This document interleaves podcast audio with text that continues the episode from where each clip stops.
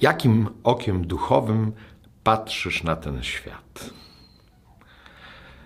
Ewagriusz mówi, jest lewe oko, które koncentruje się e, na kontemplacji rzeczy stworzonych. Jest prawe oko, które koncentruje się na kontemplacji Trójcy Świętej. Którym okiem ty kontemplujesz Pana Boga? Tak naprawdę chodzi, by mieć jedno i drugie oko, byśmy umieli kontemplować rzeczy stworzone i kontemplować rzeczy nadprzyrodzone. Jeżeli poddajemy kontemplacji jedno i drugie oko, wtedy znajdujemy Boga wszędzie e, w naszym życiu. Tam, gdzie nimi patrzymy i postrzegamy rzeczy Pana Boga i w stworzeniu, i w tym, co nadprzyrodzone.